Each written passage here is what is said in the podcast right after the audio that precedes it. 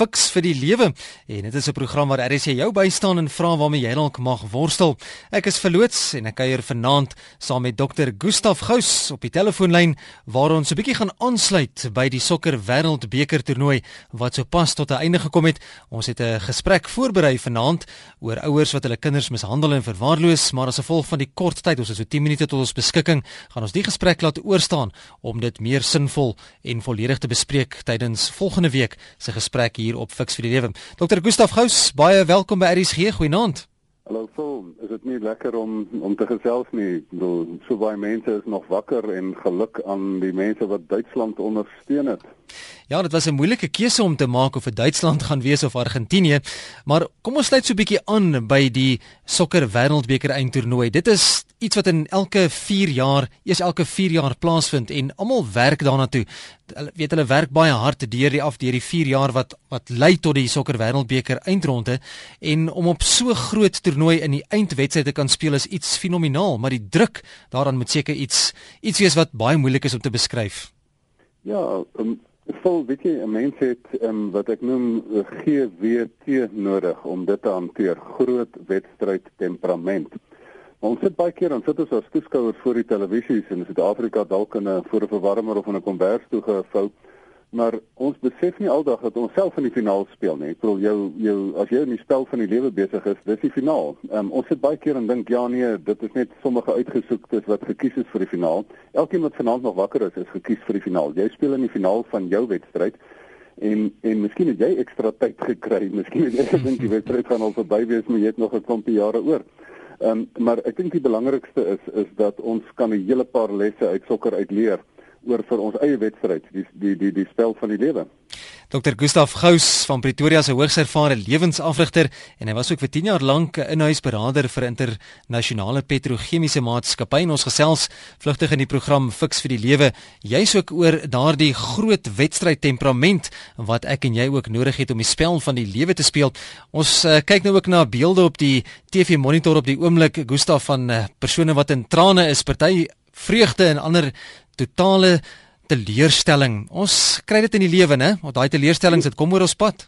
Ja natuurlik is die ehm um, is die die hele die hele lewe is een groot geleentheid en ja. jy kan of iets uh, sinvols daarvan maak of nie en ehm um, die groot hartseer is verspeelde geleenthede en die groot geluk is as jy iets gemaak het van daai geleentheid.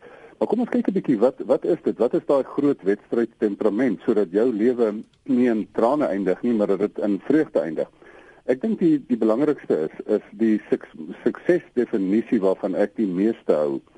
Is sukses is waar die voorbereidheid en die geleentheid mekaar ontmoet. Hmm. Maar nou sê vir my daar is nie daar is nie een span wat nie voorbereid was nie.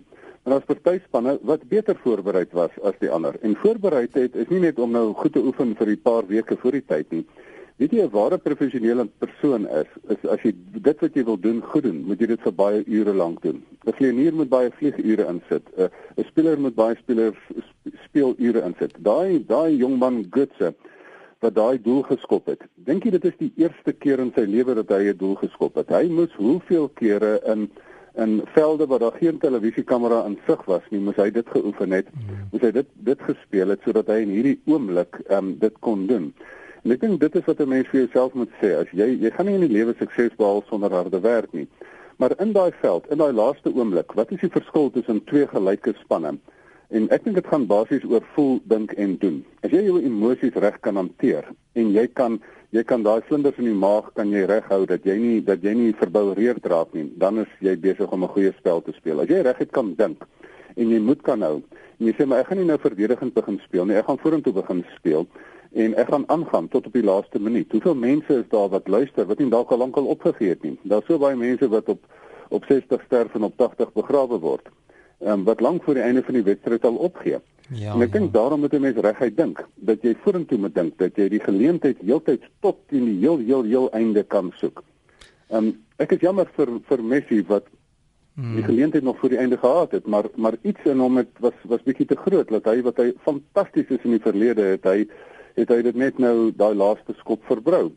En en daarom moet 'n mens nie dat jou emosies met jou weghardloop nie. Iets het met hom weggehardloop op daai laaste oomblik. Ja, mens kon dit sien. Te speel tot die laaste laaste moment en dat jy ook onder hoë druk, dat jy nie sê maar die lewe is nie sonder druk nie. Is dit nie eintlik fantasties dat die beste in 'n mens na uit na vore kom onder hoë druk nie?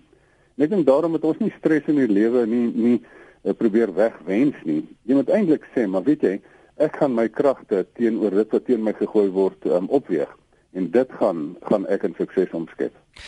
Party mense hanteer druk anders as ander mense en is daar 'n regte eh, of 'n verkeerde manier hoe 'n mens druk kan of moet hanteer wanneer jy in daai situasie kom? Kyk as jy as jy druk hanteer en jy neem dit nie ernstig op nie dan raak jy roekeloos en as jy as jy moet opgee, jy moet om druk te hanteer, moet jy drie goeters doen. Jy moet jy moet jou gevoelens 100% onder beheer kry. Dat jy sê maar maar um, al is die dinge teen my opgelyn ek gaan nie moed opgee nie. Jy moet vir jouself dan ook met jou eie self praat, met jy jouself help om reguit te dink. Jy moet sê ek kan en ek gaan, ek kan en ek gaan. Nie sê o, ek is nou in my kanon in. Ehm um, want ek kan nou nie meer nie.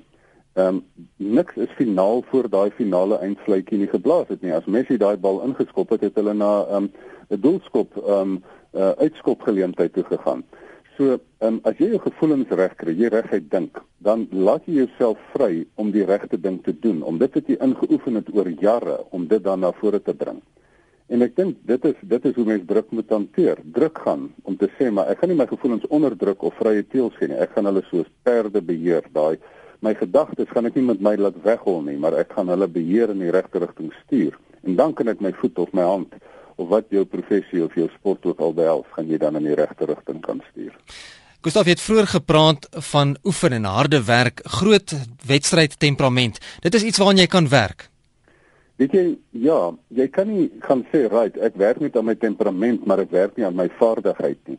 Ehm um, as jy nie as jy regtig professioneel iets wil doen, as jy suksesvol is in jou veld, moet jy die ure insit. Ehm um, jy kan nie 'n spreker wees as jy nie voor baie gehore gespreek het nie. Jy kan nie 'n cricketspeler wees as jy nie voor baie paltjies gestaan het en mense balle in jou rigting ingegooi het nie. Jy moet ondervinding kry in daai daai tyd. En daar is ehm um, wat was mens eintlik ek dink een van die skrywers Gertrude het eintlik geskryf dat jy hy noem dit 'n tipping point dat jy so 'n 'n 'n wipplank punt bereik dat jy besef maar nou kan jy dit amper toe oë doen. Ehm um, ek is steeds oortuig dat dat Götze daai skop geskop het, nie as 'n gelukskoot nie, maar dit is omdat hy al toe o daai skop kan skop. En toe die geleentheid kom, toe was daar sukses, want sukses is waar die voorbereidheid en geleentheid mekaar ontmoet. Gustav, die tyd is besig om ons in te haal. Ons het nou ongelukkig nie vanaand baie tyd om hieraan te spandeer nie, weens juist die sokkerwedstryd, maar ons kan baie lesse leer ook uit, nie net vanaand se wedstryd nie, maar uit die hele sokker wêreldbeker toernooi wat plaasgevind het. Wil jy dalk vir ons 'n bietjie saamvat oor die groot wedstryd temperament en wat ons kan leer uit die sokker wêreldbeker wat vir die afgelope paar weke die uh, media oorheers het en die sokker en die sportwêreld oorheers het? Wel, dit is nie die eerste nie en dit is ook nie die laaste wêreldbeker wat ons gaan sien nie. So wêreldbekers kom en gaan. Ehm um, of dit nou sokker is en die volgende is dan rugby en dan is dit nou weer cricket en en al die sportsoorte. Ek dink as ons net vir onsself sê, nommer 1, ehm um, moenie net 'n toeskouer wees nie, kom terug op die veld. Ehm um, nommer 2, as jy terug op die veld is, jy is nie hier in 'n voorafwedstryd nie. Jy speel in die finaal. Dit is die finaal. Dit is jou geleentheid op die veld. Dit is die lewe. Daar gaan 'n telbord aan die einde wees en wat gaan jy aan die einde van jou lewe sê? Wat het jy te wys? Nommer 3. Moenie net op hardloop en niks probeer voorberei nie. Wees 100% voorberei.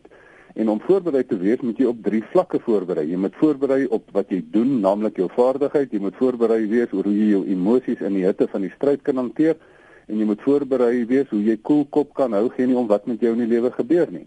Al die geluk in die lewe kom oor mense wat hulle gevoelens reg hanteer, reguit dink en die goeie dinge doen. Al die moeilikheid in die lewe kom mense wat verkeerde goeders doen, verkeerd dink en dit hulle op verkeerde paaie vat en en nie hulle emosies kan hanteer nie en hulle emosies met hulle weghardloop. En ek dink daardie daardie leerskool van die lewe is nie so ingewikkeld nie. Daar is 'n wedstryd, jy het beperkte tyd, jy moet in daai tyd moet jy iets bereik en die groot prosesse wat jy moet meester. As ek sit en ek en ek is as lewensafrigter um, nie net in die spreekkamer nie, maar ook met maatskappye en dan sê ek ek help mense om reguit te dink om hulle gevoelens reg te hanteer om die regte goeders te doen. Jy kan nie anders as om jou eie finaal te wen as jy dit reg doen nie. Kusop dan net om mee af te sluit, ehm um, vanaand se gesprek wat ons sou gehad het, gaan ons nou wel volgende Sondag oor gesels. Wil jy nie so vlugtig net vir ons luisteraars herinner waar eh, waar hulle volgende Sondag aan kan na luister nie, die gesprek volgende week? Ja, weet jy, dit was um, met baie keer word van die van die baie negatiewe nuus gebeure word nou verdring deur en deur 'n stukkie groter nuus soos nou wêreldbeker sokker.